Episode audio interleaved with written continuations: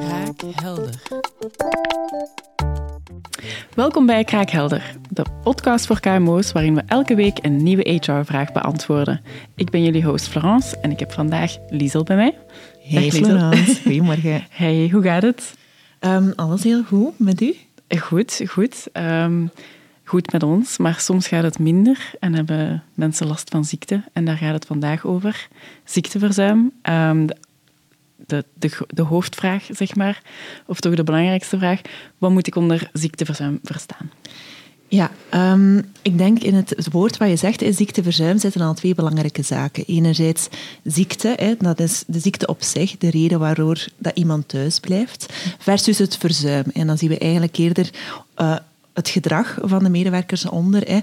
Hoe dat je met ziekte omgaat, uh, hoe dat je naar ziekte kijkt.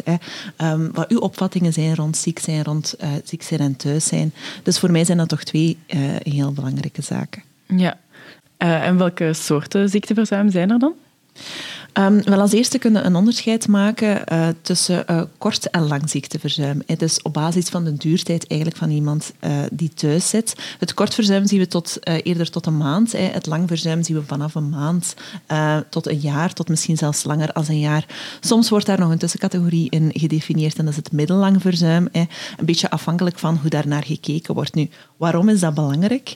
Um, vooral omdat het een heel andere impact heeft op de organisatie.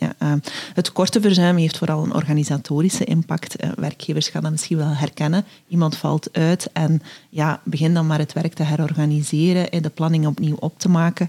Um, tegenover het langdurig verzuim heeft natuurlijk een heel andere impact. Um, ja, dat plaatje moet wel terug opnieuw eh, gevuld worden. Het werk moet uh, ook op lange termijn continuïteit kennen. Dus dat geeft toch een heel andere, uh, andere dimensie. Ja, absoluut. Um, ik heb ook al iets gehoord over zwart ziekteverzuim. Wat is dat juist? Ja, dat is inderdaad een term die af en toe ook gebruikt wordt. Hè. Um, daarnet hadden we het over het onderscheid tussen, vooral in de duurtijd van verzuim, maar natuurlijk um, is er ook een verschil tussen, zoals ik daarnet zei, ziekte en het gedrag op zich. Hè. Um, waar dat we bij zwart verzuim zien dat iemand thuis is, hè, dus uh, zich er naar gedraagt alsof dat hij ziek is, maar eigenlijk niet effectief niet ziek is. Hè. Uh, okay. Een beetje tussen aanhalingstekens de profiteurs. Hè. Uh, dat is iets dat, uh, als wij ook opleidingen geven, dat we heel vaak naar boven zien komen, omdat dat grote energievreters zijn. Hè. dat zijn mensen ja, die die een stukje profiteren uit thuis zitten, eigenlijk onterecht. Um, ja. Nu, we zien dat dat eigenlijk het kleinste percentage is van, van medewerkers die echt um, ja, zwart verzuim vertonen. Hè.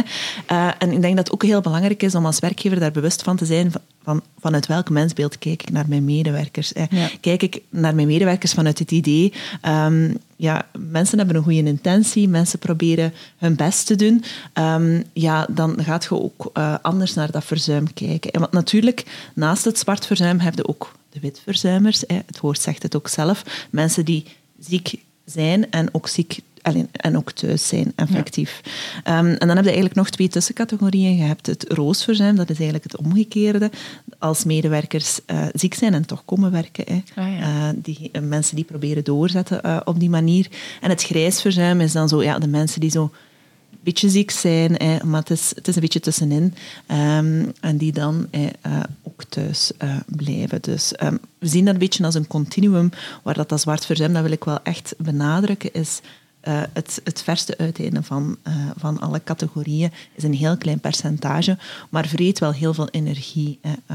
En vreet veel energie bij werkgevers of ook van collega's op de werkvloer? Of, um, de energie zit zowel bij de werkgevers als bij de werknemer zelf. Hè. Um, want allee, je kunt je ook de vraag stellen van wat maakt dat iemand thuis ja. zit en niet ziek is. Uh, niemand doet dat voor zijn plezier. Hè. Wat zit er daarachter? Welke oorzaken kunnen we daar, daarin terugvinden?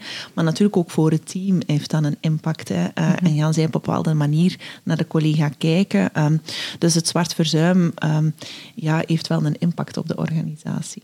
Ja, um, zwart verzuim, dat is dan echt de minderheid. En het rozenverzuim, dus mensen die dan eigenlijk um, wel ziek zijn, maar toch komen werken.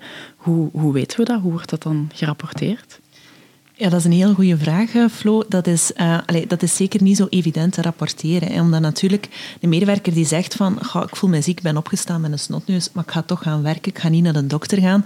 Ja, die, um, je, kunt dat niet vastpakken. Hè. Dat is de, de inschatting van die persoon zelf. Hè. Ik denk, in eerste instantie ga in dialoog met je medewerker en probeer, als je die ziet te snotteren op de werkvloer, daar een stukje op door te gaan en te vragen van, kijk, hoe is het met u? Hè? Uh, gaat het wel om te werken? Uh, maar het echt rapporteren op zich van dat roosverzuim, dan zal ik maar zeggen, ja, dat is eigenlijk heel moeilijk om vast te pakken. Hè. Uh, we zien dat er het vaakst gerapporteerd wordt uh, op vlak van uh, duurtijd van een afwezigheid. Dus het kort en het lang verzuim, dat is iets waar een organisatie wel vaker uh, allez, of meer zicht op kan krijgen. Um, en anderzijds ja, natuurlijk ook de gegevens van de controlearts. Uh, als we dan kijken naar dat zwartverzuim, um, mensen die door een controlearts gezien zijn en al dan niet goedgekeurd, afgekeurd zijn, ja, daar zijn ook cijfers van. Maar dat is natuurlijk ook maar een heel klein stukje van, van, het, van het hele spectrum. Dat was heel duidelijk. Dankjewel, Liesel. Gedaan. Zo, dit was uh, een nieuwe aflevering van Kraakhelder. Bedankt voor het kijken of het luisteren.